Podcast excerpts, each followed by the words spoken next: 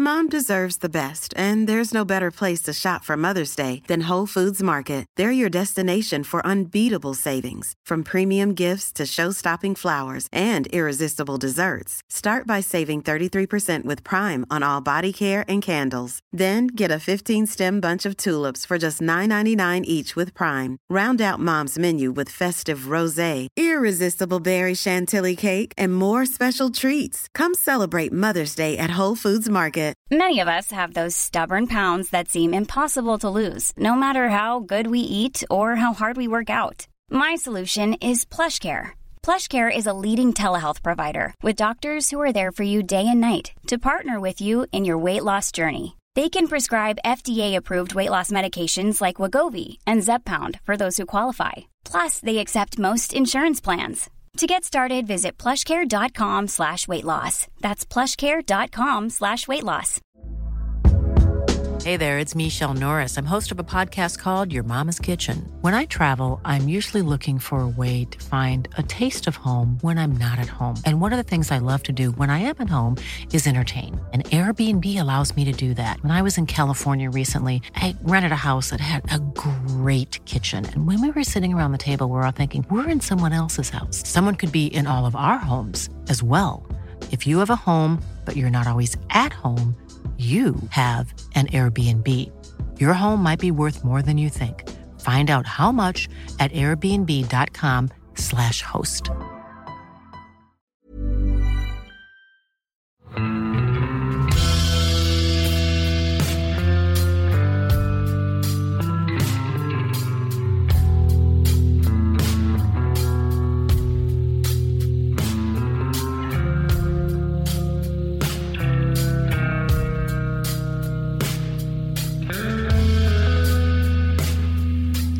Hei og velkommen til podkasten Uteliv.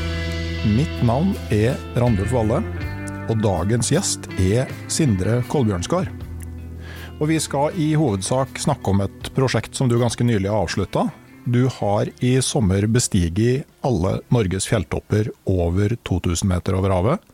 Målsetningen var å gjøre det på 100 dager, men du fullførte på 73.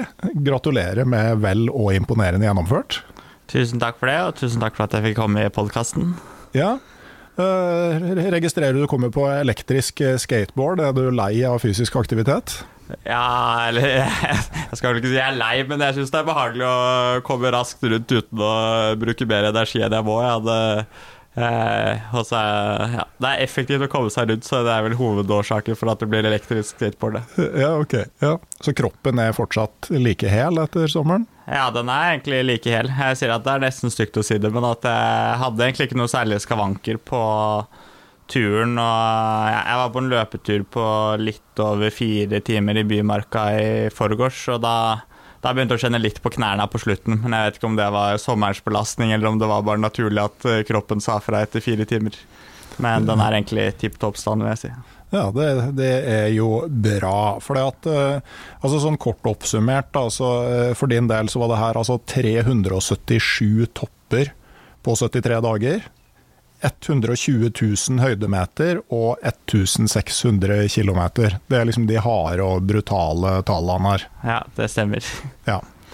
Eh, Vi skal komme litt mer inn på det etter hvert, men jeg tenkte jo at eh, vi kunne bli litt bedre kjent med For vi sitter jo her nå eh, på opptaksplassen min hjemme og ute i Trondheim, som er på vei inn i høsten.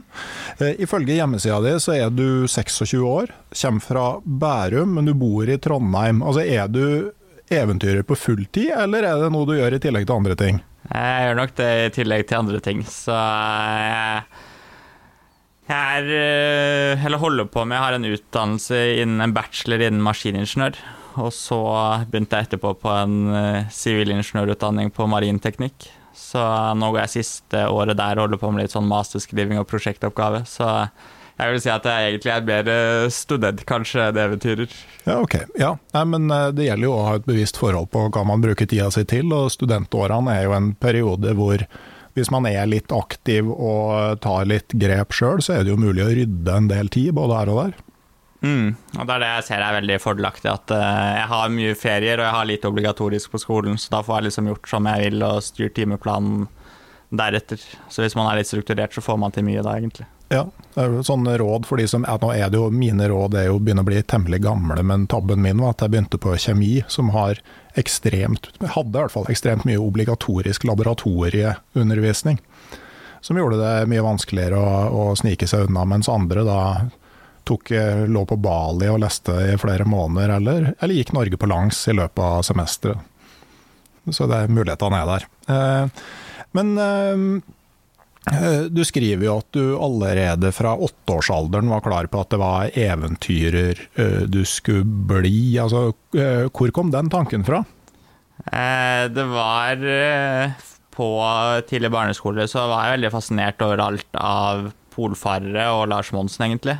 Og så hadde jeg en god kamerat som var litt på tur med, og vi leste egentlig alt av Lars Monsen. Så vi kunne flere av Lars Monsen sine bøker på rams ordrett, og gikk og testa hverandre i det. Eh, så det var liksom mye inspirasjon derfra, og egentlig alt av på en måte de store norske polfarerne som har liksom vært en inspirasjonskilde der, da. Mm.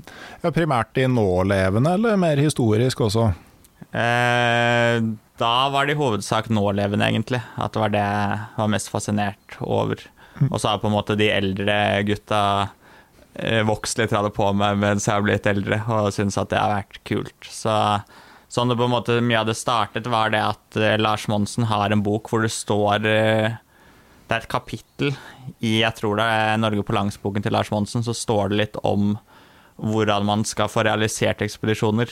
Og da var det ett avsnitt jeg husker ganske godt, og da sto det at skulle du reise ut på store ekspedisjoner, så måtte du ta et bevisst valg. Eh, og da etter jeg hadde lest det og grubla litt på det, så tok jeg sa fra til en kamerat min på skolen, på barneskolen at vi måtte samles nederst i sandkassa, og så måtte jeg snakke med noe viktig om den. Eh, og da hadde jeg tenkt meg nøye gjennom det, Da sa jeg til henne at eh, Max, nå lover jeg at jeg skal bli eventyrer når jeg blir stor, og reise på store ekspedisjoner. Og da var det liksom Norge på langs og 2000-meterstopper, da jeg sa, nevnte spesifikt. Og så var det en del andre store ekspedisjoner, sa jeg, og så tok jeg den i hånda. Og så, siden den dagen, så sier jeg at jeg har jobba hardt på å skulle bli eventyrer. Ja, viktig å begynne tidlig. Det var vel Roald Amundsen også, som sov med vinduet åpent for å herde seg til, til polfeider allerede som, eh, som, gutt. Men det, det er jo òg påfallende altså, hvor eh, voldsom påvirkning eh, Lars Monsen har hatt på mange. Ja, han har hatt stor påvirkning, og eh, ja, det, den fulgte mye med på å lese alt av bøker. og det var såpass eh, Jeg husker ikke om det var han eller Børge Austland som hadde skrevet det. Jeg tror det var Lars Monsen som hadde skrevet at du skulle kunne teltet ditt i blinde. Mm. Eh, så når vi var ferdige etter jeg hadde lovt han kompisen min det, så så vi nesten hver helg ute i telt etterpå, i hagen. og da pleide jeg ofte å sette opp telt med bind for øynene, fordi jeg hadde lest et sted at man skulle kunne sette opp telt i blinde, og så god skulle du være på teltet ditt. Ja. Ja, ja, ja. Nei, det, det, er jo, det, er jo, artig. Jeg var jo sjøl veldig fascinert av, av Lars Monsen. Jeg er jo da omtrent 20 år eldre enn deg. Eh, men husker jo eh, ja, under den Norge på langs-perioden med Trond Strømdal, da det kom månedlige rapporter i, i villmarksliv.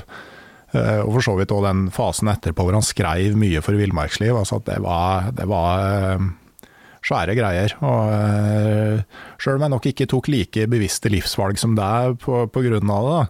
Men, men, så er det jo sånn at altså, det, det, er jo en del uh, tanker man får. Uh, det er stor overrepresentasjon av brannmenn og politifolk liksom, i tidlig alders tanker om yrkesvalg. Og, det er ikke alle sånne måte, tanker man får da som kanskje verken kan eller skal realiseres. Eh, hva er det som har gjort at eh, du har begynt å realisere? Jeg tror jeg har en vanvittig stor gjennomføringsevne av natur, egentlig. At når jeg setter meg et mål og sier jeg skal det, så er jeg villig til å gå ganske langt og jobbe ganske hardt for å klare å realisere det. Og ja, jeg tror det er at, at det ligger nesten naturlig, naturlig i meg, egentlig, med ja, hvordan man angriper et problem, og hvor mye han er villig til å legge ned arbeid da, for å klare å, å komme dit. Ja. Det handler kanskje om å være bevisst på å eh, prioritere. For hvis du prioriterer noe, prioriterer noe høyt, så prioriterer du bort andre ting. Ja, det tror jeg absolutt. At akkurat med prioriteringer, og at man er Jeg pleier alltid å si at man har alltid tid til alt man vil, egentlig, men det handler om å ta seg tid. At du, det, det jeg har tid til, det, eller det jeg vil ta meg tid til, det får jeg tid til. Og sånn sett har det liksom gått fint å kombinere studier og eventyr og alt sammen, egentlig. Men du, du må så sagt prioritere bort en del ting, og der er det en del bevisste valg, egentlig. Mm. Ja, hva er det du går glipp av? Du Hva skal jeg si? Jeg har ikke prioritert noe dame og sånn, egentlig. For uh, det har vært et ganske bevisst valg. At jeg vil ikke at noen skal sitte igjen hjemme eventuelt og jeg skal ha dårlig samvittighet, og hun skal ha dårlig samvittighet for at jeg ikke er der, liksom. Mm. Uh, så det er jo et ganske bevisst valg jeg har tatt. Og jeg har også tatt uh, Eller jeg ser også at det kan være vanskelig å være så sosial med venner. Jeg har kanskje ikke kunnet være med på så mange hytterturer hver sommer de siste åra. Nei, det kan jo, kan jo være. Du starta jo ikke rett på de 2000-meterne. Du har vært en god del ute de siste årene. Jeg la jo merke til at du, du har jo bl.a. tatt Norge på langs, da, akkurat sånn som Lars Monsen. Mm, den gikk jeg i fjor, så da, da fikk jeg unnagjort den. Ja. Mm. ja, hvordan var det? Eh, det var en veldig fin tur. Sånn, tidligere så har jeg alltid sagt at jeg ikke skal ta Norge på langs. har liksom vært innstillingen min de siste åra, for jeg syns det har virket litt kjedelig. At eh, Jeg er en som ikke er så glad i å holde meg i skogen. Jeg liker meg mest på at det er litt åpent. Og så tenkte jeg Norge på langs blir litt mye skog. Eh, men så hadde jeg en del større prosjekter i fjor på liksom internasjonal skala, men så kom korona, og da plutselig så måtte jeg finne på noe i Norge, og da tenkte jeg raskt at hva er det kuleste jeg kan gjøre i Norge, og da Norge på lag, så var det en sånn Det hadde vært en litt barndomsdrøm, og da plutselig lå ting til rette for det, da. Så det var en ganske spontantur med tre uker planlegging kombinert med eksamen på studiet, og så ut og gå Norge på langs på tre måneder. Ja. Men, eh, men, det trengs kanskje ikke sånn kjempemye planlegging heller? Altså sånn eh, det, i hvert fall store deler av veien. Altså, du, du, kan jo velge litt forskjellige varianter av ruta, men når du har valgt variant, så er jo ruta ganske sånn gitt. Ja, jeg sier, og jeg sa Det er jo ganske bevisst valg på Norge på lang, så at jeg ikke skulle se på noen andre sine rutebeskrivelser. Hmm. Jeg skulle ha min egen, så når jeg hadde bestemt meg, så lot jeg meg ikke se på noen andre hvor andre hadde gått. Da. At jeg skulle finne min egen rute som i mitt hode var den beste ruten. Mm. Eh, så det gjorde det litt vanskeligere på én måte, men så vet jeg fra tidligere ekspedisjoner at på sånne typisk lange gode ekspedisjoner så blir ruta så til mens man går, at du har så mye tid på kveldene i teltet. Eh, og det er egentlig der du gjør finplanleggingen, for å planlegge hele Norge på langs hjemme. Da, da skal du i detalj på kart, så skal du ha lang tid på å gå gjennom alt sammen. Ja, jeg intervjua en sånn eh, amerikansk eventyrer som har gått veldig mye av de virkelig lange fotturene eh, i USA. Altså de Pacific Crest Trail og, eh, og de som er jo en sånn 4000-5000 km. Han skrev liksom en sånn detaljplanlegging fra dag til dag. Ja, det var bortkasta tid som han heller kunne brukt på karaoke. Ja, det, jeg, Den kan jeg støtte, liksom. At, at det er liksom den planleggingen sånn underveis, detaljplanlegging gjør man underveis, og så er det litt sånn hvis du har brukt utstyret ditt nok, da, så vet du at det funker. Så at uh, du har en sånn erfaring da, og et, uh, at du kan gå på med å være trygg på utstyret, og det tror jeg er en ganske viktig del egentlig, som er bygd opp over mange år. At jeg slipper å Det er lite som typisk byttes ut fra år til år, egentlig. Mm. Eh, og så har du i tillegg, eh, eller tidligere, eh, vært en del på litt sånn lengre skiturer. Og så gikk Finnmark på langs. Jeg vet ikke helt hvordan, hva det blir med start og sluttpunkt, da, Finnmark på langs. Jeg sier vel på tvers, men det, det blir jo sånn. Altså, det fra sør til nord. Ja. Så det var en sånn skikkelig vintertur i februar-mars mm. i Finnmark. Ja. Og Norge på tvers og islandskryssing. Ja. Mm. Og så har du vært på en del ganske høye fjell. Elbrus, uh, Denali. Ja. Denali må ha vært en fin tur. Denali er noe av det råeste, vil jeg si, på en måte. At naturen er så superspektakulær. og Du får den ekspedisjonsfølelsen av å fly inn da, og se toppene. At du, det er veldig vanskelig å klare å gå inn til fjellet. Eh, så du må liksom fly over noe vanvittig spisse fjell og ganske brutale breer, egentlig.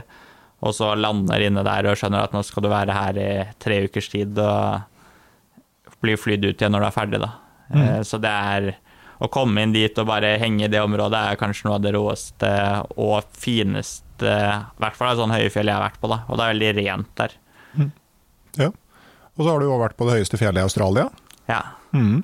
Og så en del lange seilturer. ja, det stemmer det òg. Mm. Så jeg har krysset Atlanteren fra Canada via Grønland og tilbake til Norge.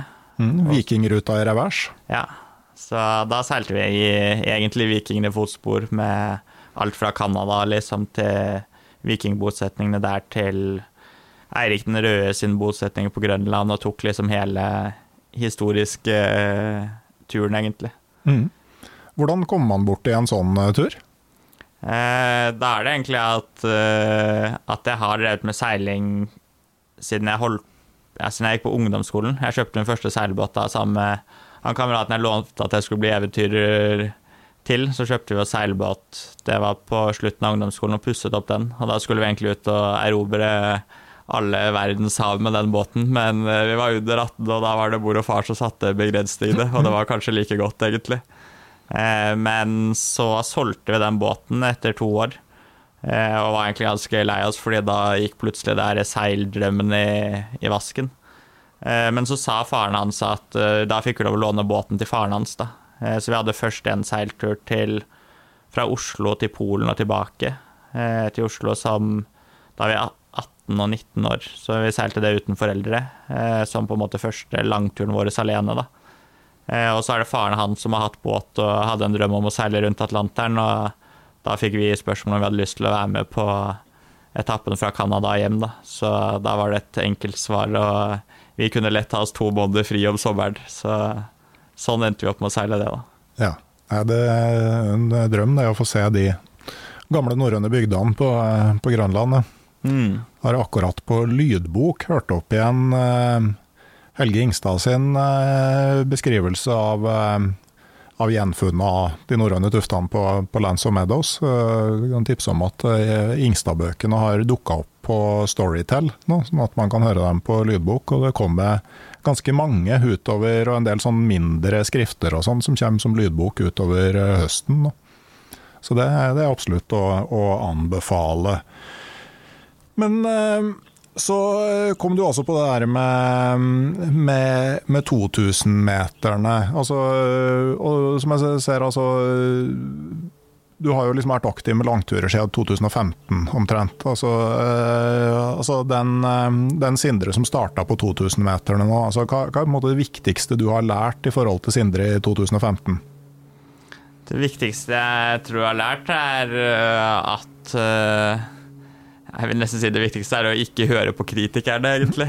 At det er det viktigste. At uh, det er mye, mange som skal komme med sine meninger, og hvis du skal høre på hva alle andre mener, så, så tror jeg du kan bli Da kommer du aldri ut på tur, egentlig. I hvert fall sånne større prosjekter, da. Uh, Så det å tørre å bare hoppe ut i det og tenke at det er ikke så farlig om det enten går eller ikke, og så gå for de drømmene man har, tror jeg er kanskje noe av det viktigste jeg har lært siden 2015. Ja. Og, eh, og da tenker jeg at altså, det norske 2000-metere altså Det er jo en litt sånn klassisk utfordring, men de fleste bruker jo lang tid på det her. Hvor kom den ideen med å ta det på 100 dager fra? Eh, den kom eh, Det var sånn med 2000-meterstopper så begynte jeg allerede på siden det var ungdomsskolen at jeg ville bestige 2000-meterstopper. Og jeg husker godt jeg kom ned på kjøkkenet til mamma og pappa og sa at nå, nå skal jeg starte med Tinder-angling, liksom, og var Kanskje jeg var 15 år gammel og hadde liksom lest om Sondre Kvanbekk som drev og gikk rundt i Jotunheimen. Da. Eh, og da fikk jeg raskt beskjed av mamma og pappa at det fikk jeg ikke lov til, for det, det var liksom for, for risikabelt. Jeg var ikke der at jeg skulle drive og rangle rundt på de toppene. Eh, og så har det liksom vært Det har liksom ligget litt i bakhodet med 2000-metershopper. Og så har det bare blitt nedprioritert for andre prosjekter. Eh, og jeg har tenkt sånn Nei, men Jotunheimen ligger der, så det kan jeg ta, ta senere og når jeg blir litt eldre. Eh, og så var det i våres, så begynte jeg å bli litt sånn der rådvill om jeg egentlig på studiet så må man ha relevant sommerjobb for å få mastergraden. Og da var det litt sånn Nå er det siste året mitt, så jeg må egentlig ha relevant sommerjobb. Og så var jeg samtidig gira på å reise på en ny langtur, for det var, jeg følte det var en av de siste åra jeg kunne ta så mye fri. Eh, Og det var enkelt å ta fri. Og så plutselig så jeg at korona hadde satt en hadde sagt, gjort at vi slapp å ha relevant sommerjobb. Og da tenkte jeg greit, nå skal jeg bare ut og gjøre noe kult nå. Eh, og da var det at noe måtte gjøres i Norge. Og så dukket raskt opp denne ideen med 2000 meter stopper eh, dukket litt opp, og så tenkte jeg at det, det, er noe jeg har lyst til å prøve på disse 2000-meterstoppene. Og så begynte å gjøre litt rask research på eh, hvor raskt er det folk har gjort det tidligere. For, uh, for jeg var sånn, jeg hadde tre måneder til rådighet, så da måtte jeg jo prøve å få dyttet en tur inn på tre måneder. Eh, og så, så, Det var på en måte det som satte den 100-dageren, var det som var maksimalt jeg følte jeg kunne ta fri før jeg måtte tilbake på skolen. Og så begynte jeg egentlig bare å sjekke ut hvem som hadde gjort det raskest, og hva rekorden var på. Og da la jeg det faktisk fram som om uh, at jeg hjalp en kompis da, som kanskje vurderte dette prosjektet. Mm. Uh, for jeg følte at hvis uh, Jeg ville ikke at noen andre skulle plukke opp veldig tidlig i den fasen at jeg drev og spekulerte på et sånt prosjekt. da. Men var det en ingen hadde hørt om, eller bare en tilfeldig en, så var det kanskje ikke noen folk slang ut hvem som var den raskeste, og så ble det på en måte lagt død der, da. Mm. Ja, Hva var det raskeste fra før? Hva hadde du fant ut? Det raskeste var 350 dager. Ja, ok. Ja. Og, Helt grei forbedring, da. Ja, og han hadde trengt to forsøk på mm. å få det til, så det var Og da skulle jeg si at man skulle være på 100, var en eh, var en ganske Det føltes i overkant optimistisk ut, egentlig. Ja, eh, men bare sånn for å klargjøre først. altså Når man begynner å snakke om 2000-metertoppen i Norge, så er det jo eh, et begrep primærfaktor som kommer igjen. Som altså er måte, hvor lang nedoverbakke du må ha før du går opp igjen til et nytt fjell, ikke sant? Ja, det stemmer. At du mm. kan si liksom eh, hvor langt det er fra sadelpunktet og opp da, til en topp, mm. egentlig. Uh, og uh, der er det jo litt sånn forskjellig hva folk baserer seg på. Hva, hva, slags primærfaktor er det du har gått ut fra? Jeg har basert meg på 10 i primærfaktor, så folk bruker vel gjerne 10, 30 eller 50, lurer jeg på. Med liksom ja. Det er klart, Jo mindre primærfaktor du går ut fra, jo flere topper blir det. Ja, det stemmer. Mm. Ja. Sånn at øh, Det betyr at du har liksom ikke valgt den enkleste versjonen heller, da. Nei, det var litt sånn da jeg først skulle prøve på det, så måtte jeg ta den gjeveste, sånn at øh, hva skal jeg si, Da er det ingen som kan komme etterpå og si sånn Ja, men hvorfor tok du ikke 10, liksom? Du, du har bare tatt 30. Så da var det liksom prøv på den tøffeste med en gang. Mm. Men jeg ser for meg da, sånn, Du hadde jo ikke sånn kjempemye tid til å planlegge det her, men noe av det desidert viktigste man gjør når man skal ta alle 2000 meter i Norge på kortest mulig tid, det må jo være å ta dem i riktig rekkefølge. Ja, det vil jeg si at det er en viktig, viktig del av det, egentlig. Ja, du skriver så vidt jeg sa, at du måtte lære deg å programmere for å finne ut av det? Ja. Det, jeg begynte med, eh, med planleggingen, og da er det liksom 377 topper da, du skal prøve å planlegge. Og hvis du, hvis du bare gjør det redd sånn eh, Eh, går ned i tallene, da, så kan du, hvis du skal ta 377 topper, så kan du skal du line opp det på forskjellige måter, da, eh, forskjellige rekkefølger, så kan du eh, få så mange løsninger at det blir 800 nuller bak tallet på antall løsninger. Eh, og hvis du strekker det ett hakk videre, da, så kan du jo si at fort alle topper har eh, fire veier opp, i hvert fall. Eh, og da får du et tall med 2000 nuller, da. Så det er så mange rekkefølger du kan, kan mm. på en måte kategorisere det i, da. Så er det jo en del av dem som er helt uaktuelle, for at du tar jo liksom ikke Glittertind og Snøhetta eh, mm. rett etter hverandre. Så, så, det som på en måte ble litt viktig i starten, var å prøve å få et, eh, et slags system hvor jeg kunne ha oversikt over hvor var de vanskelige toppene, eh, basert på letteste veien opp på de. Eh, fordi letteste veien som var krevende og krevde klatring eller bredgåing, eh, da måtte jeg ha med folk. Og da endte jeg opp med å programmere At jeg lagde et Excel-ark med alle toppene, og så programmere dette Excel-arket inn i sånn at jeg kunne hente dataen fra Excel-arket rett inn i et uh, i et sånn datascript da, hvor jeg da kunne få kart med fargekoder, vanskelighetsgrader, jeg kunne klikke på toppene og få navn på topper, kommentarer jeg kunne legge inn om det f.eks. var her er det én taulengde 3 pluss, eller eh, tøff bregåing, eller her er det en skip bergleppe som jeg må passe på. Så hadde jeg på en måte et uh, virtuelt kart da jeg kunne bla meg gjennom og sånn sett få en ganske god oversikt over hvor var de krevende toppene, og hvem av de kunne jeg koble sammen på en god måte, da. Mm. Så der kommer ingeniørutdannelsen til nytte. Det visste du ikke da du satt med grunnkurs i data i første eller andre klasse? Nei, og jeg har ikke grunnkurs i data, så det var det at jeg har alltid liksom skydd programmering litt og syns det ikke har vært noe interessant. Men nå var det liksom, da så jeg plutselig utenfor det, og da var det bare da måtte jeg sette meg og lære det, fordi dette her var supergenialt. Og det, det ble egentlig et veldig sånn stort gjennombrudd i planleggingen, for da plutselig så ga ting mening i hodet mitt. og ja, jeg fikk lagd bare det kartet, og jeg prøvde over meg på noen sånne heatmaps og sånn for å se hvor det var størst konsentrasjon av topper som er krevende og sånn. og Det var veldig mye å få på en måte bare et over, oversiktsbilde da, som var veldig viktig med de greiene. Mm. Ja, for videre så blir det jo Jeg ser for meg at du, du har jo da sånn som du kategoriserer på vanskelige og mindre vanskelige topper. For at, altså, du er jo avhengig av å bruke nesten alle dagene. Altså, du kan ikke ha så mange dager hvor du lar været bestemme at du blir liggende i ro. Men har du da hatt f.eks. sånn når du stikker ut, så har du liksom en del vanskelige topper som står øverst på prioriteringslista, men hvis været gjør at det ikke går, så har du liksom en reservetur som du vet kan gjøres i, i dårligere vær? Ja, jeg har liksom Sånn det ofte er uh, sett for meg, da, er at jeg har Når jeg hadde så god oversikt, så visste jeg hvor mange av toppene som krevde klatring eller bregåing, f.eks., som gjerne er det mer krevende. Og så kunne jeg da si at i dette området her så er det f.eks. veldig stor tetthet av turer da med klatring, f.eks. Horungane. Eh, og det betydde at Horungane det ville jeg kun da reise til når jeg hadde et veldig godt værvindu på værmeldingen. Eh, og så kunne jeg si at hvis jeg hadde et uh, værvindu med litt sånn ruskevær, så kunne det kanskje være bedre å holde seg rundt uh, ja, Memmerud-tindene, f.eks. Mm. Og uh, at du igjen ville ha et bedre værvindu hvis du skulle opp i Galdhøpiggen-massivet, for der er toppene enda høyere enn mange andre steder. Ja. Har det gått mye dårlig vær i Rondane? Eh, ikke så mye Nei, Rondane starta jeg på, og da hadde jeg ganske bra vær. Men det kom inn regnbyger hver kveld og natt. Og da var det egentlig meldt godvær, og jeg skulle gjøre dette raskt og gærent. Så jeg hadde kun med meg en 40 liters dagstursjekk og skulle egentlig sove under åpen himmel.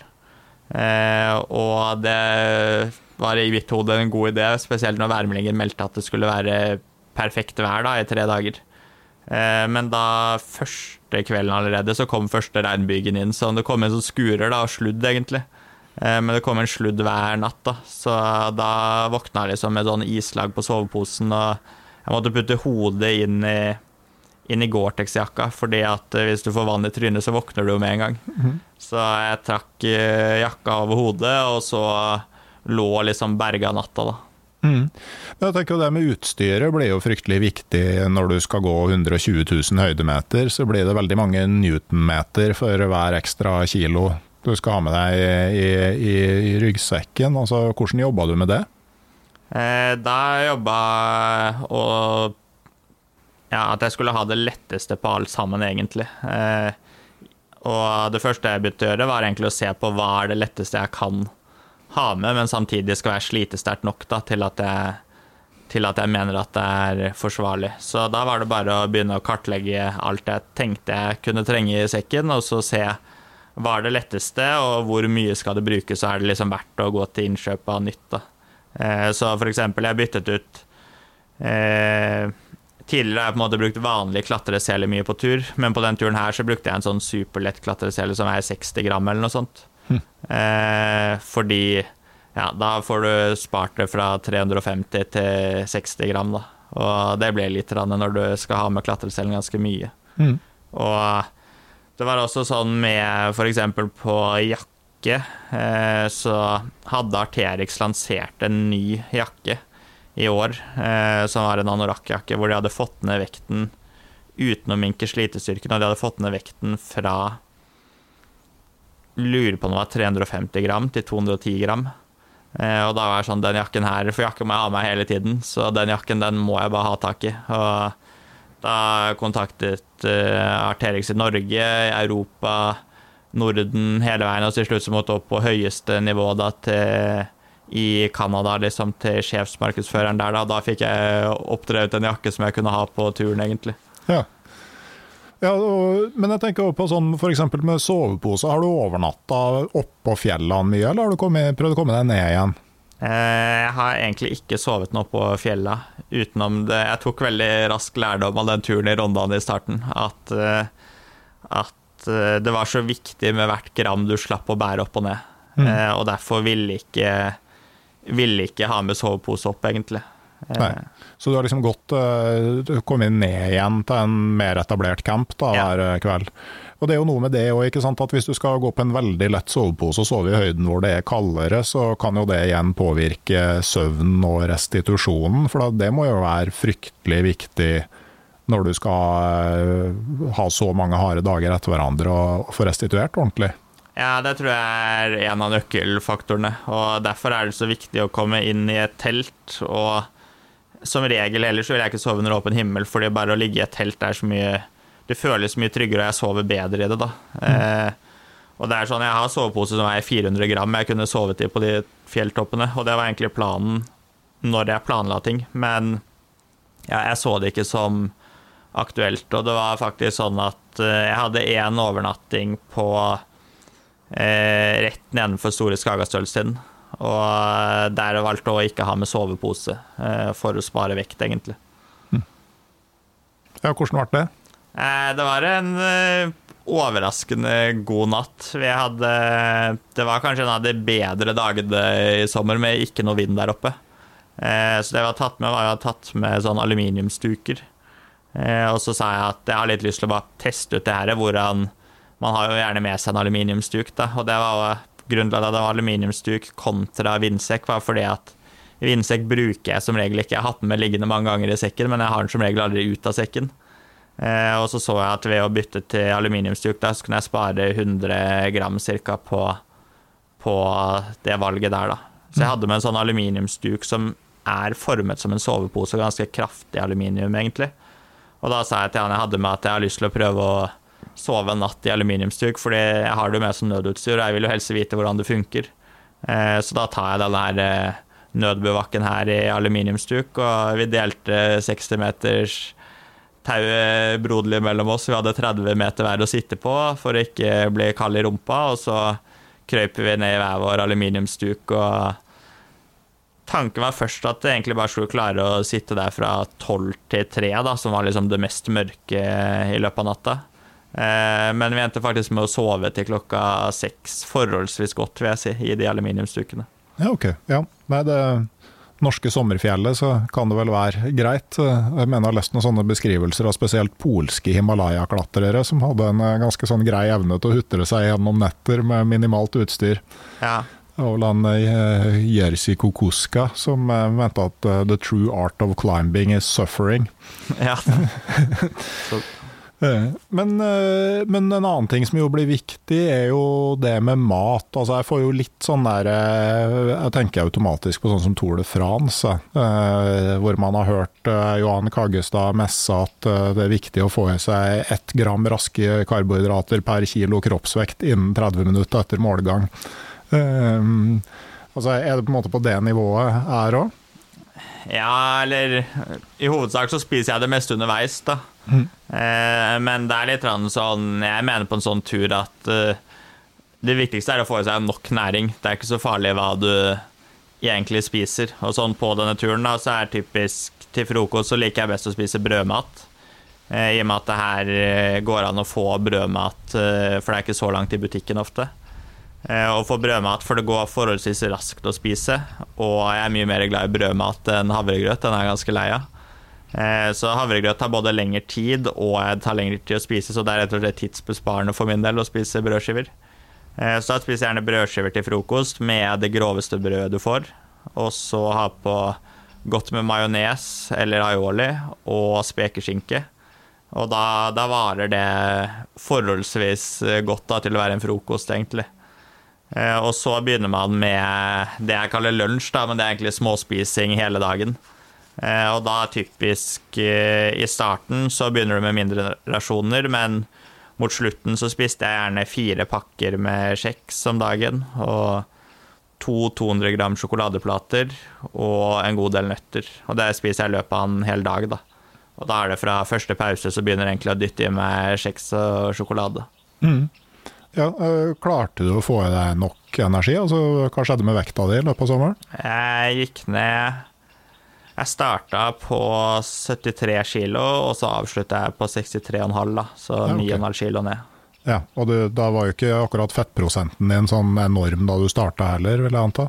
Nei, den var Jeg hadde prøvd å legge på meg litt, liksom, men eh, jeg er forholdsvis tynn fra før, så det Jeg kunne nok fint hatt uh, mer. Men sammenlignet med Norge på langs, da, så på Norge på langs var jeg nede på 60 kilo når jeg avslutta. Eh, så jeg syns denne turen her var jeg mye mindre sulten og sånn. Eh, fordi det hadde jeg ofte litt problemer med på Norge på langs, at jeg, jeg følte ikke at jeg fikk i meg nok, liksom, og det hadde jeg egentlig ikke på den turen her. Nei, Det er kanskje litt enklere på en sånn som tur, tur som det her, hvor du kan ha en basecamp som måtte, er nærmere bil og vei, og øh, sånn at øh, forsyningslinjene da ikke blir så lang. Ja, det, det er mye enklere, og så er det litt sånn Jeg hadde typisk en hel bag, da, eh, full med mat til enhver tid, med alt av sånn tørrmat, om det var sjokolade, realturmat, kjeks, sånne ting, da. Eh, så hvis jeg merket at det var litt lite en dag, så kunne jeg bare alltid slenge med en ekstra pakke med noen nøtter eller kjeks eller sjokolade, da. Eh, så det gjør det ganske enkelt. Og kommer du fram til leir og du er skrubbsulten etter du har spist middagen, så kan du fint bare ta noe ekstra mat som ligger, så i og med at du slipper å bære det. Så det er veldig mye enklere. Og så er det vel øh, bare å spise så mye som man klarer når man forflytter seg mellom øh, fjellområder. Ja. Mm. Det er egentlig, egentlig det. Eh, Hadde du på en måte lagt opp til at, du skulle, at andre skulle kjøre og sånn når du forflytta deg, sånn at du fikk hvilt da? Eh, Så detaljert? Eh, nei, jeg hadde egentlig Det tenkte jeg bare skulle ta litt på sparket. At enten så måtte Enten så tenkte jeg at jeg skulle få folk til å kjøre, og at jeg kunne sitte på med de, eller så skulle jeg gå, liksom. Eh, og det var liksom det som var planen min. Eh, og så var det Ja, da var det egentlig bare å ta det fra dag til dag. Hvis, jeg plutselig, hvis jeg hadde med noen, så, så fikk jeg kjøre med de. og det var også en periode hvor jeg f.eks. var i Breheimen og hadde med en person der, da. Eh, og hun fikk problemer med foten sin etter dag én. Og da hadde jeg liksom lagt opp hele Breheimen med at vi skulle ha bil og kjøre alle, nærmest alle toppene, egentlig.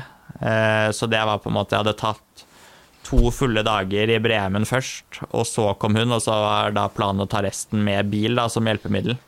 Eh, og Breheimen er det ganske lange distanser, så når hun skadet foten sin etter dag én, så måtte plutselig resten av toppene tas uten bil. Eh, og det var en litt sånn strek i regninga, for da var det enten å begynne å gå veldig langt, og du måtte liksom tenke nytt, da. Men jeg klarte å oppdrive og få leid meg en elsykkel, og syklet opp til Reinheimen for å ta det ene dagen, og du klarer liksom å være kreativ nok og haike deg litt her og der, og, men uh, ting har gått litt sånn på, på sparket på akkurat den planleggingen å komme seg rundt, da. Eller igjen sånn som er vanskelig å planlegge i detalj fordi det alltid vil bli endringer. Ja, det, er- det er akkurat det. Så ting må uansett tas på sparket. Og så har jeg typisk hatt uh, veldig mye mat liggende på, på at hvis jeg skulle vært ute og gått et stykke, da, f.eks. jeg var på Leirvassbu og skulle ned og klatre uranostinn og Falketind, eh, og da kunne jeg legge igjen to store bager på Leirvassbu, og så ha med kun det jeg trengte ned dit. da, Så kom jeg tilbake til Elvesbu, og så var det på en måte plutselig det som ble depotet mitt for en periode der, da. Men sånn med fottøy, da, brukte du samme type sko på alle turer, eller varierte du? Eh, Der varierte jeg en god del, egentlig. Eh, Og det som på en måte er den vanlige klassiske måten, er å ha sånn halvstive sko, egentlig. Eh, Fordi de skal være gode å klatre med, og det er på en måte den typiske go to Tinderangling-skoen. Eh, Men så vet jeg veldig fra tidligere ekspedisjoner at eh, anklene mine, som jeg sier er hovedargumentet for å gå med stive sko, Eh, Så er anklene mine ganske herda, og Norge på langs gikk jeg 80 av turen i joggesko.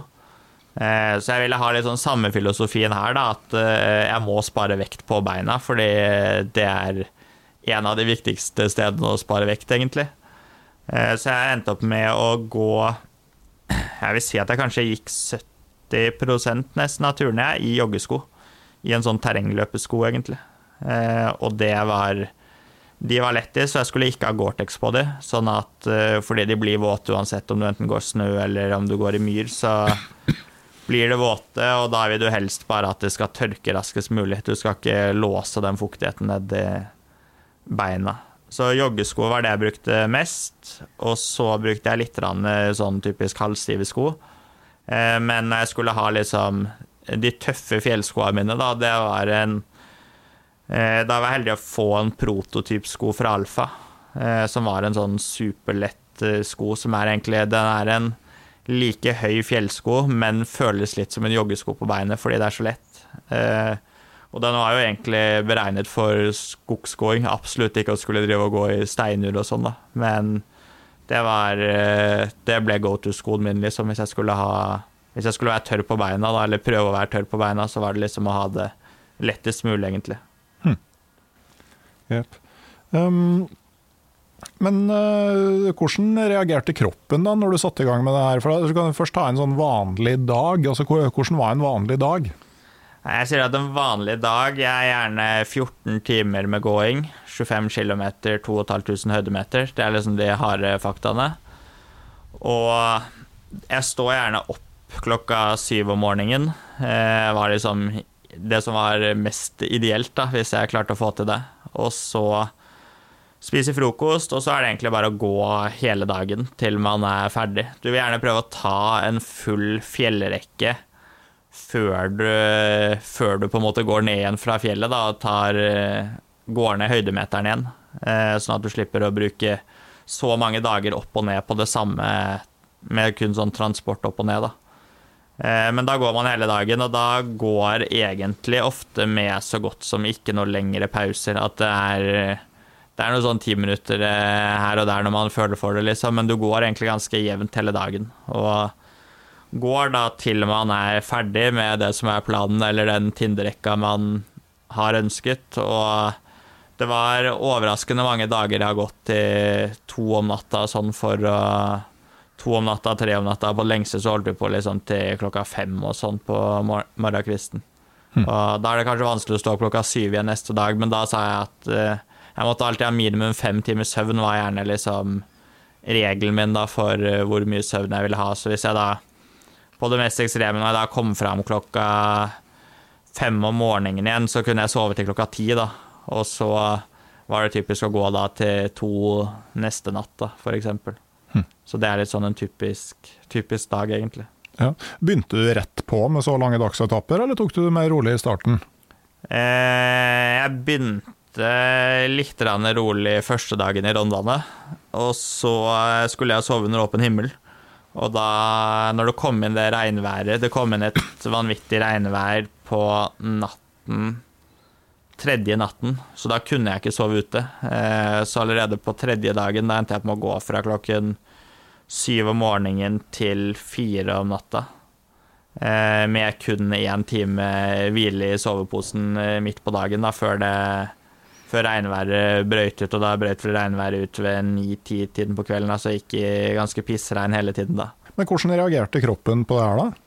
Eh, I starten så sliter den lite grann. Er det litt sånn sjokktilvenning, at den får, får, litt sjokk. Men der tror jeg det er veldig at, eh, at kroppen min er så herda for det.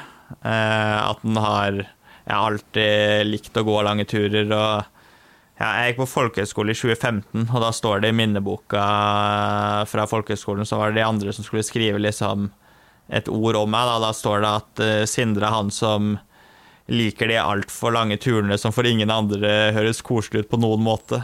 Ja, okay. uh, så jeg har liksom holdt på å gå langt, da. Uh, siden så lenge jeg kan huske. Noen av de første turene jeg hadde i Nordmarka med en god kamerat, så skulle vi gå fra Vi gikk fra Sognsvann, tror jeg, og gått inn forbi Skikkut. Og vi hadde liksom Vi gikk til vi stupte, egentlig, og det var tidlig i barneskolen.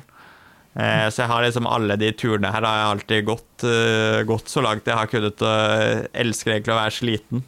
Mm. Eh, så kroppen kroppen skjønner litt at nå er det en ekspedisjon på gang, og da, da, blir det Du må gjerne jobbe litt de fire-fem første dagene, kanskje opp til halvannen uke.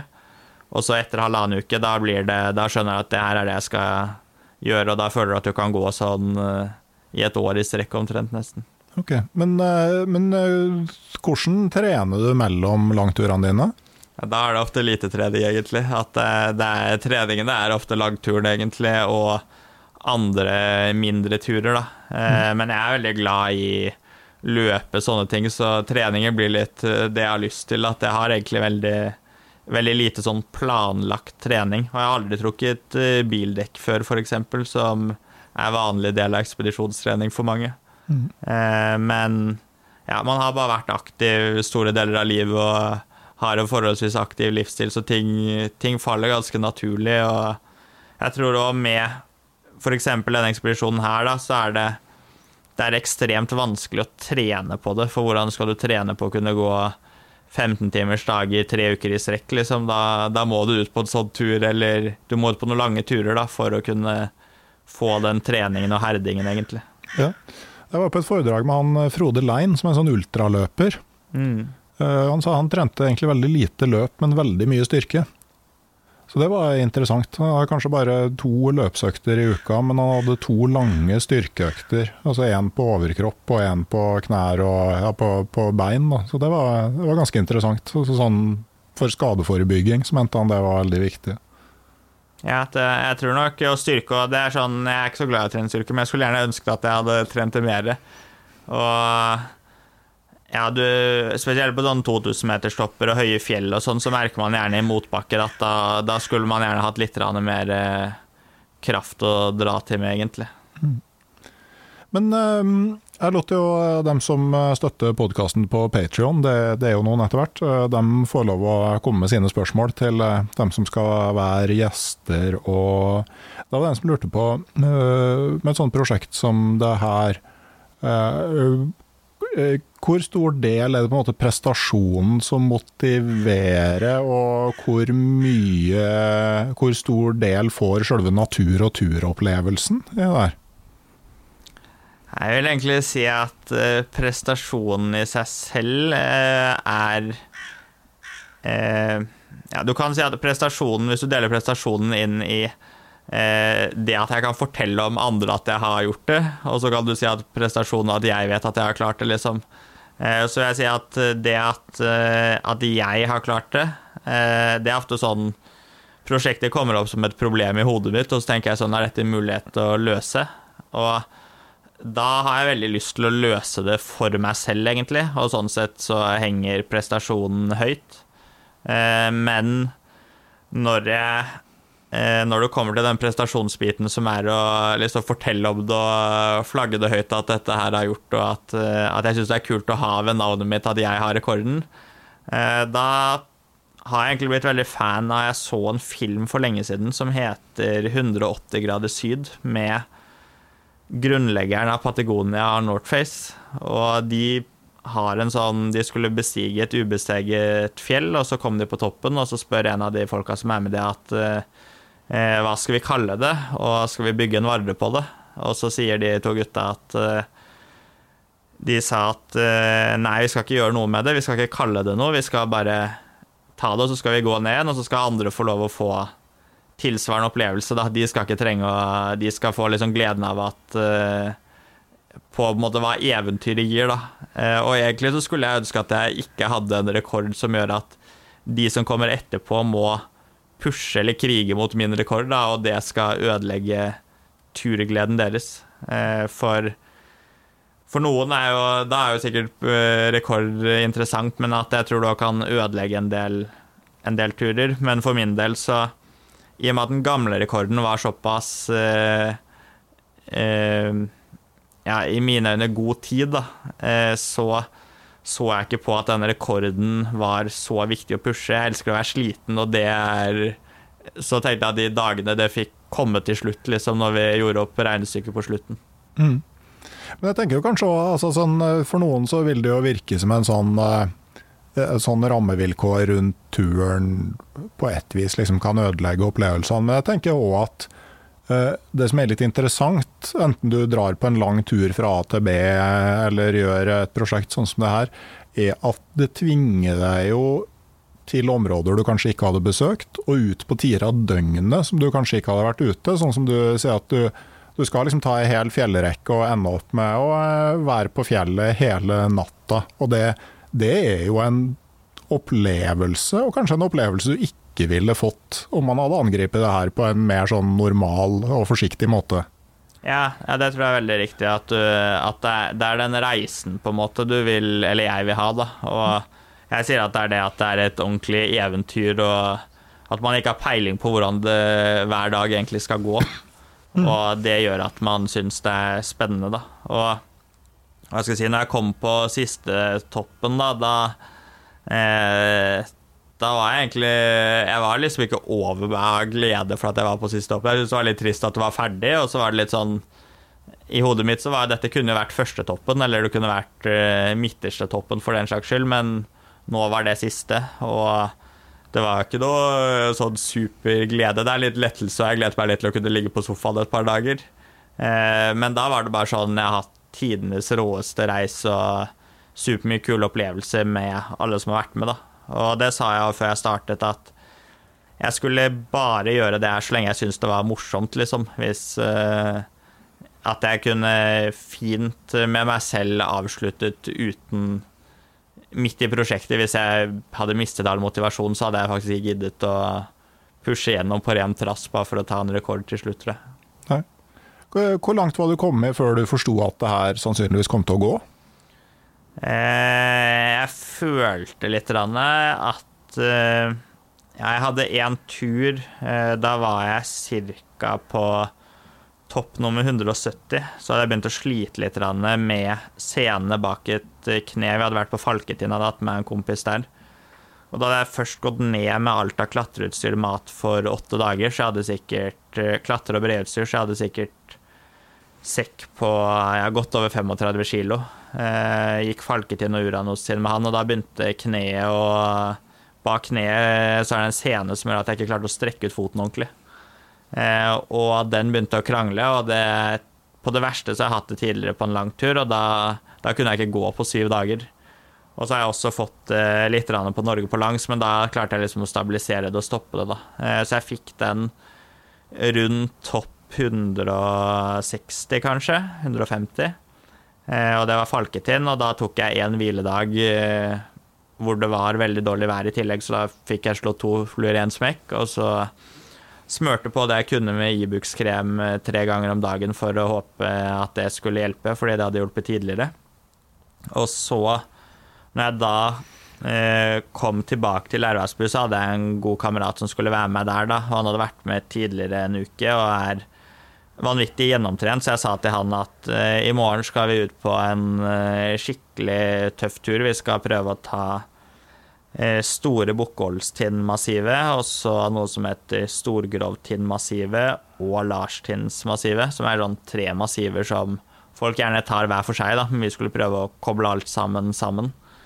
så sa jeg at nå skal vi bare prøve å gå det her, og så dette her blir brist- eller bæretur for min del. At enten så klarer, eh, klarer kneet å henge med, og da, da tror jeg at eh, dette her skal kunne gå, gå, i boks. Og da Den dagen så gikk vi Jeg tipper vi gikk litt over 3500 høydemeter og nærmere fire mil, og vi var ute 17 timer.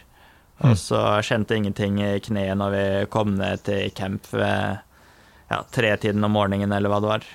Og da kunne jeg så si at nå nå tror jeg Nå er kroppen tøff nok, den henger med, liksom, og da begynte jeg å føle litt at uh, At dette her kunne begynne å gå, da.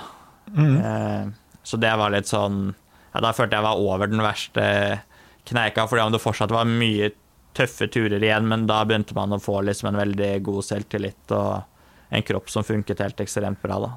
Ja. Nei, for jeg tenker jo Det du beskriver som en vanlig dag, da, med 2,5 mil og 2500 eh, høydemeter, det, det, er jo ganske eh, Det er jo sånn, sånn omtrent som å starte fra spiterstulen, og så først gå opp på Galdhøpiggen. Og så når du kommer ned til spiterstulen, så går du opp på Glittertinden, og så ned igjen. Mm. Da er det, det er litt grann mer både høydemeter og kilometer, men altså for de fleste så er jo det eh, to lange, altså hver for seg, så er det en god dagstur. Sånn at eh, det, er ganske sånne ekstreme distanser og antall høydemeter vi, vi snakker om her, da.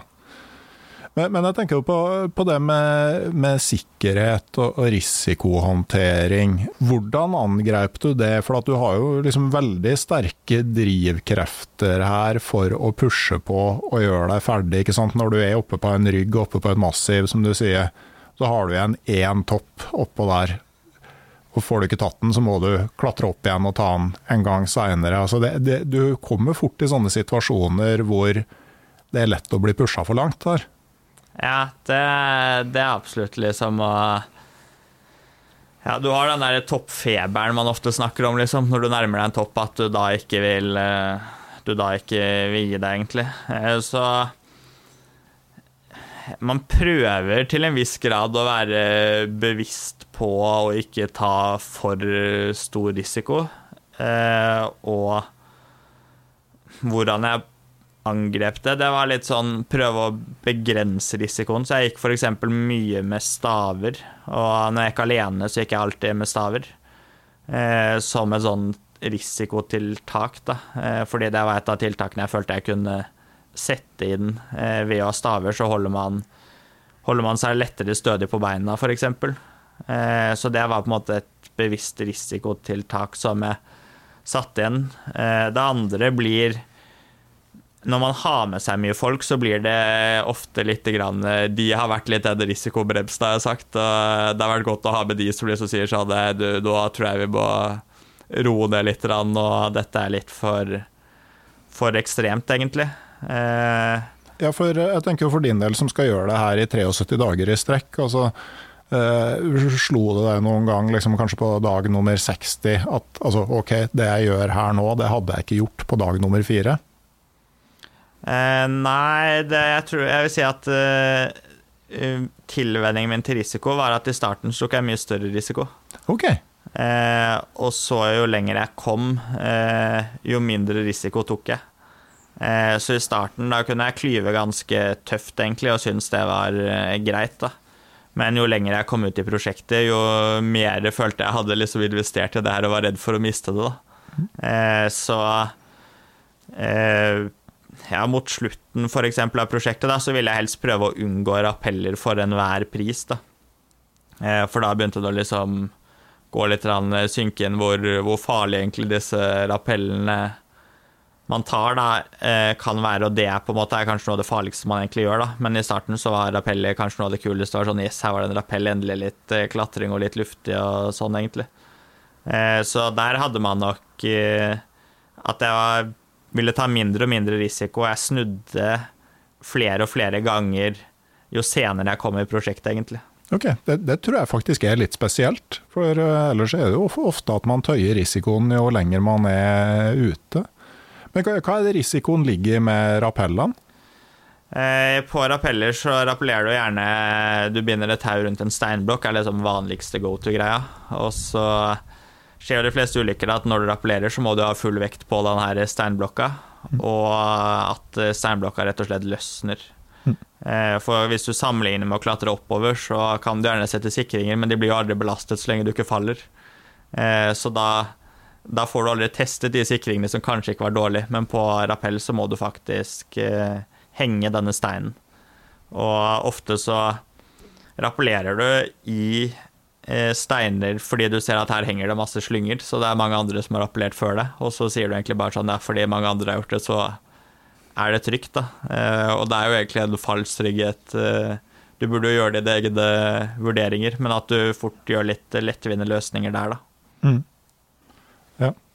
Ja. Var det noen ganger hvor det blei altså hvor du rett og slett var redd? Ja, det var Vi hadde én ganske tøff, eh, tøff episode på eh, en, et fjell som heter Slettmarkpiggen, lurer jeg på det heter. Ligger opp fra Eidsbogarden. Eh, hvor vi skulle gå Da går du opp på Slettmarkpiggen, og så skal du ned på en rygg, da. Eh, og da skulle det komme inn et litt sånn ruskevær, eh, men vi regnet med at det ikke skulle være for ille. Eh, men ned fra Slettmarkpiggen så vi kom på Slettmarkpiggen, og da begynte uværet å komme inn. Eh, så da var det sludd og mye vind, og det Yr eh, etterpå meldte 26 meter i sekundet av kastene.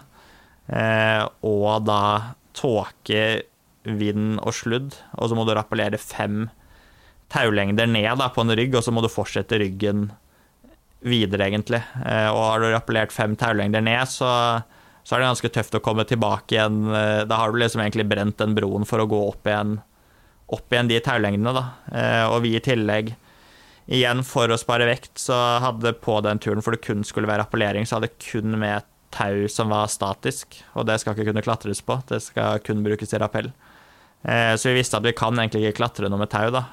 Kom komme fem taulengder ned til slutt, eh, og ned på ryggen der den starter, og da skulle det egentlig ikke være så mye problemer. Men plutselig så var det jo såpeglatt på den ryggen vi skulle videre. Og da står det et hakk der, og heldigvis hadde jeg med en kamerat jeg hadde vært i Forsvaret med, så jeg vet veldig godt hva han er kapabel til, og at han klarer å ta vare på seg selv. da, Men begge to var sånn Nå må vi holde oss i aktivitet hvis vi skal Vi kan ikke sette oss nå fordi vi var så kalde og våte, egentlig. Eh, og så kommer vi til et hakk på den der ryggen hvor det bare blir eh, Hvor det er sva, egentlig ikke noe tak, og da såpeglatt, da. Eh, hvor han kompisen min prøver seg på én variant, og så eh, sklir den rett og slett. Og så bare rutsjer nedover fjellet et stykke, og så får han heldigvis eh, stoppa kun etter to meter, da. En sprekk på 30 cm, fikk liksom skilt inn beina der, da. Eh, og da han ikke fått inn beina der, så hadde det gått ille, da, egentlig. Det hadde nok vært Hadde nok vært noe beinbrudd, vil jeg tippe, fort, egentlig. Der, og vi måtte bare Du måtte rett og slett komme deg videre, da, og gjøre litt sånn sikkerhetsvurderinger. Da, da sier jeg at det er ofte mye med sånn alpin ferdsel handler om å gjøre ting tryggere enn det andre alternativet du har, liksom. Uh, du har gjerne ikke verktøyene du skal ha, uh, men du må bare gjøre det beste ut av det. Uh, så da måtte vi til slutt bestemme at vi skulle Jeg skulle klatre opp først på statisk tau, og det er jo egentlig super-fy-fy, egentlig. Men vi hadde da vi hadde da han på ene siden av eggen, liksom, sånn at vi skulle da ha skjøtt vekk, tenkte vi da, eh, som et liksom worst case. Og tauet skulle jo ikke bli belastet, men det, det så vi som liksom det beste, da. Eh, men da begynte man å tenke at eh, å stå i det hakket der, så var det jo Enten så måtte vi bli henta ut, eller så må du gønne på for å komme deg videre. Da, og klatre opp tilbake. De rappellerte taulengdene hadde vært enda vanskeligere. Men da, da kom vi oss over der. og bestemte oss da for å gå ned fra den fjellrekka. Da hadde vi én topp igjen på fjellrekka, og det er vel fem eller seks topper der, tror jeg. Eh, så vi hadde én topp igjen, og så fikk en eh, tilbaketur via eh, Ja, det tilsvarte tre dagsetapper, da. Eh, DNT-etapper vi da hadde gått den dagen. Så da var vi fremme klokka fem neste, neste morgen da, etter den, eh, den turen der. Hmm. Ja ja. Nei, men det må jo bli noe sånn på en så lang tur, ja. Hmm. Men um, hva var den mest minneverdige toppen, da? Jeg tror nok å gå Skaga, Store Skagastølstinden. Eh, for da starta vi opp eh, Hjertevasttinden først, som er liksom Hjertevasttinden, og så kommer det over på Styggdalstindene, som er Norges tredje, fjerde høyeste topp. Eh, som er en ganske rå rygg. da, og Du går hele den, og så gikk vi oppom Store Skagastøltind og sov over der. Eh, og fikk se soloppgangen der neste morgen før vi gikk Skagastølsryggen ned igjen. da. Eh, og da var vi 35 timer på, på tur, og liksom opplevelsen å gå der var nok det råeste, for uh, det er en tur du har Det er litt sånn point of no return ganske tidlig, egentlig. Enten så må du Eller det er ikke point of no return, enten må du snu helt da, og gå samme veien tilbake, eller så må du fortsette. Du har liksom ikke noe avbruddsmuligheter underveis på tur, nesten. At uh, i det du Enten må du ned Hjertvassien, som er førstetoppen, eller så må du ned fra Store Skagastølsien. Da har du mulighet til å komme deg ned der, eller så, eller så må du liksom bare fortsette, egentlig. Uh, så være liksom så eksponert og klatre litt og på en så godværsdag, det var kanskje den råeste opplevelsen, egentlig. Jeg mener det derfra jeg har sett noen rå bilder òg, fra bivaken opp under toppen. Ja, det kan stemme. mm. For, for, du er jo en eh, svært habil turfotograf, eh, men hvordan blir det på en sånn tur som det her, med både såpass stort tidspress og vektpress? Eh, det var en tøff utfordring, og jeg hadde litt lyst til før jeg startet, så tenkte jeg på skal man prøve å lage en liksom lengre dokumentar om det her, liksom. For dette er jo det er en ganske ekstrem tur, og det er nok mange som har lyst til å se en lengre dokumentar om det her. Eh, så det var det jeg hadde lyst til da jeg starta, og hadde egentlig med meg en bag fullt av ja, alt fra gimbal til drone til var, Jeg hadde med liksom absolutt alt av filmutstyr. Eh, og så skjønte raskt at eh, dette her var tøft å skulle filme og ta bilder og gjøre alt sammen. Uh, så jeg startet I starten så hadde jeg gjerne med speilreflekskamera uh, på de aller fleste toppene. Men jo lenger ut jeg kom i prosjektet, jo mer tok mobilen over som hovedkamera, egentlig. Mm. Men sånn ellers med dokumentasjon, altså sånn helt tilbake til Robert Peary og Scott Amundsen og gutta, så har jo det å på en måte uomtvistelig dokumentere at du har vært der du har sagt du har vært, har jo vært en viktig greie. Altså, har du, eh, hvordan har du liksom dokumentert turen? Eh, I hovedsak så Eller på en måte det jeg har som er liksom hoved, hoved Hvis du skal kalle det beviset for at man har gjort det, da, eh, er at man har tracket alt sammen med med GPS-klokke, mm. Eh, som på en måte er det man har brukt som på en måte den hovedtrackingen. Og så eh, har man jo tatt mye bilder fra topper, egentlig. Og så har man hatt med seg mye folk, da. Så jeg har liksom tenkt at totalt sett da med liksom tracking, bilder At jeg har hatt med meg folk som kan gå god for at jeg har vært på toppene, og at man uh, Ja, jeg har jo oppdatert ganske dag for dag nesten på sosiale medier, så folk har i hvert fall sett at jeg har vært ute i 73 dager på tur, og den totalpakken der, da mener jeg at det er godt nok eh, dokumentert, egentlig. Mm. OK. Men, eh, men eh, ser du altså Du driver jo med det her i tillegg til studiene, og som du sier så er du snart ferdig som student. Altså, hvordan ser du for deg livet videre? Hadde du spurt meg for et år siden, så hadde jeg sagt at jeg skulle bli eventyrer og satse, satse litt som eventyrer fulltid, egentlig. Eh, men jeg har vel kommet fram til at jeg nå kanskje heller vil få, få en ordentlig ingeniørjobb og være mer fri på ekspedisjonene mine. Da. At jeg, jeg ser at hvis man skal leve av det, så vil du få mye forpliktelser som gjør det kanskje ikke så morsomt å holde på. Eh, så jeg ser vel for meg å gjøre en del store ekspedisjoner, men prøve å kunne kombinere det litt med jobb, så får man se hvordan det går. Mm.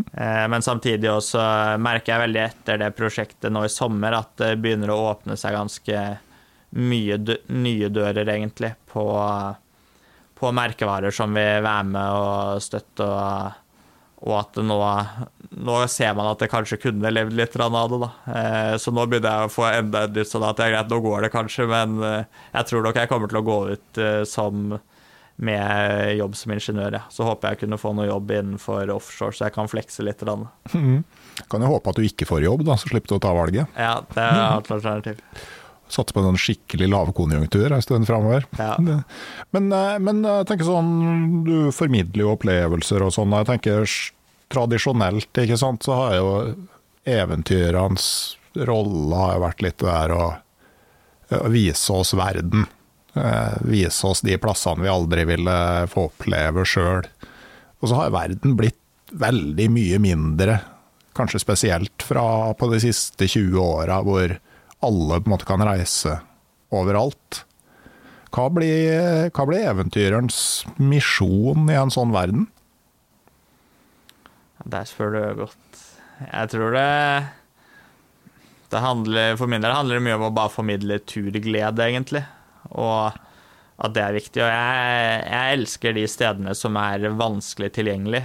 Og er nok mindre glad i de kommersielle turene. Eh, så jeg sier sånn at på en måte Mount Everest og Mount Vincent i Antarktis, da, som er på den Seven Summit-listen, frister mindre, og det er kanskje noe jeg ikke er så gira på å formidle så mye fra hvis jeg skulle dit skulle reist dit heller, at jeg vil, jeg vil nok heller prøve å komme meg mer til den der gammeldags og reise til de stedene med litt uh, uberørt uh, ting. Men at nå handler det kanskje mer om å vise at uh, det er muligheter i 2021 å drømme stort og følge litt av drømmene sine, uansett hva det er, egentlig. Mm. Men jeg tenker jo litt på det du sier der òg, altså for at jeg, jeg tenker altså, I mine øyne så er jo knapt uh, altså å gå for Seven Summits i dag altså Er det drømmen din, eller er det egentlig noen andres drøm som du uh, følger? Altså, jeg har jo sansen for de som klarer å finne de litt sånn uventa prosjektene som som ikke er helt åpenbare. og jeg tenker jo sånn som en, en gjenganger her i podkasten av Marius Nergård Pettersen, da, som nå har brukt først to-tre, eller brukt mange mange år på å finne sånn hemmeligheter i norsk natur. Altså sånn små hytter som folk har bygd og, og sånne ting. Det er jo for så vidt òg egentlig et sånn eventyrerprosjekt, som jo gjør det du sier, liksom å vise folk uh, at mulighetene er der. Mm. Jeg tror det, det, er på en måte riktig, at det er det som er eh, Nå kan du gjøre veldig mange av de store ekspedisjonene som tidligere de gamle gutta kunne gjøre, og vise Gi folk et innblikk i verden som de ikke hadde fått tidligere. De kan du gjøre kommersielt nå. Og da tror jeg du må Du må heller finne hva det som faktisk driver deg, og at man heller må grave litt i seg selv og prøve å finne de nye, nye prosjektene som kan være litt annerledes, da. Mm. Og sånn På formidlingssida så har du jo òg lagd en uh, ganske mye sånn eh, videokurs i friluftsliv. Hva er tanken bak det? Det var Jeg satt i fjor høst sammen med en kamerat, og så begynte vi å se på Begynte å se på om det finnes Eller finnes det egentlig noe, noe på en måte nettkurs filmbasert på, for å få folk ut på tur? Eh, og så begynte vi å sjekke litt opp, og så fant vi ut at eh, det fant vi egentlig ikke noe sånn som vi følte var komplett i det hele tatt. Da. Det var sånn sporadiske filmer her og der. Eh, og da bestemte vi oss egentlig at vi skulle ta én måned hvor vi bare skulle jobbe hver dag i en måned med å prøve å lage en mest Det vi mente da er en komplett uh, workshop på hvordan få folk ut på vinterturer. Uh, så det var litt sånn for å prøve å gi folk uh, ja, dele av vår erfaring og hjelpe kanskje flere ut på tur. Da. For mange har mye spørsmål, og spesielt den yngre generasjonen merker at de er ikke så glad i å lese bøker som jeg gjorde med, for å lære meg friluftsliv, men de vil gjerne ha det inn på andre måter. Da. Mm. Eh, og da var det liksom, jeg vi hadde litt lyst til å prøve å treffe de, og da lagde en god del eh, YouTube-filmer. Jeg vet ikke om det var nærmere 20 episoder eller noe sånt med vinterfriluftsliv. Mm absolutt verdt å eh, få med seg. Søke opp eh, Sindre Kolbjørnskar på eh, enten på sosiale medier eller på å finne fram til nettsida di, så, så, er det der mulig å finne. Jeg skal legge ut link via podkasten Utelivs sosiale medier. Um, jeg tror vi begynner å nærme oss en slutt her. Jeg skal som vanlig si tusen takk til de som støtter podkasten Uteliv på Patrion, som da dere har hørt får mulighet til å spille inn ja, både hva slags gjester man ønsker, hva slags tema man ønsker, og konkret hvilke spørsmål som skal stilles, i tillegg til en del eh, ekstrastoff, bl.a. Eh, mine utstyrserfaringer og, og ekstrastoff rundt episoder. Men jeg tenker til slutt da at uh, altså, åtte år gamle Sindre hadde jo sikkert noen ideer om hvordan det der livet som eventyrer uh, skulle arte seg. Altså uh, på, på, hvilke punkter hadde han rett i sine antagelser, og, og, hvor tok han feil?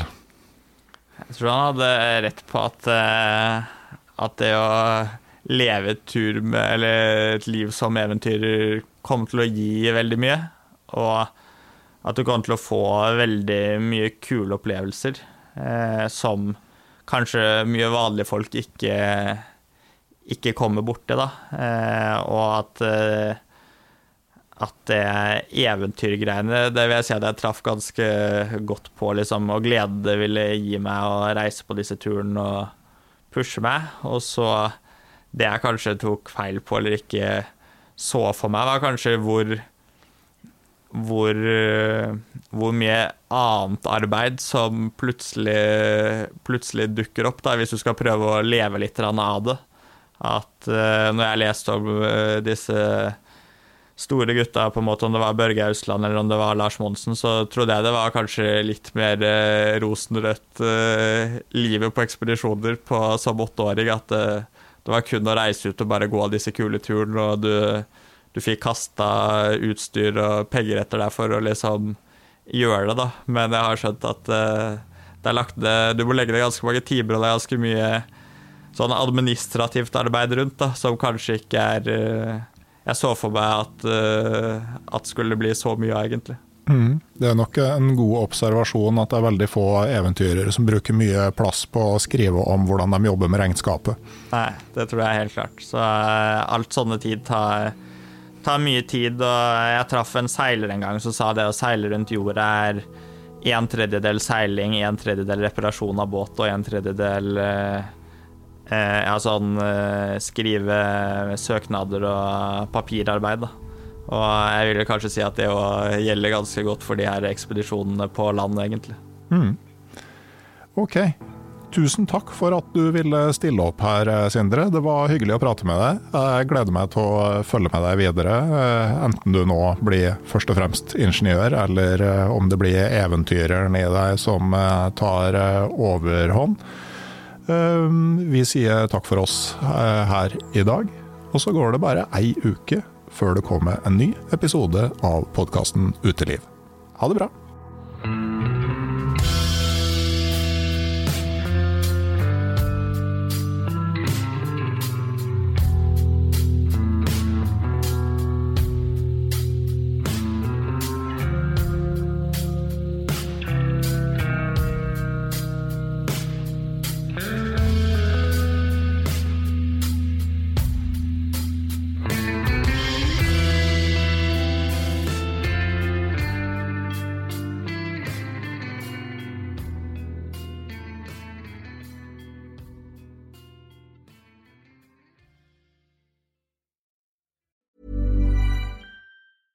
Mom deserves the best, and there's no better place to shop for Mother's Day than Whole Foods Market. They're your destination for unbeatable savings, from premium gifts to show-stopping flowers and irresistible desserts. Start by saving 33% with Prime on all body care and candles. Then get a 15-stem bunch of tulips for just $9.99 each with Prime. Round out Mom's menu with festive rosé, irresistible berry chantilly cake, and more special treats. Come celebrate Mother's Day at Whole Foods Market.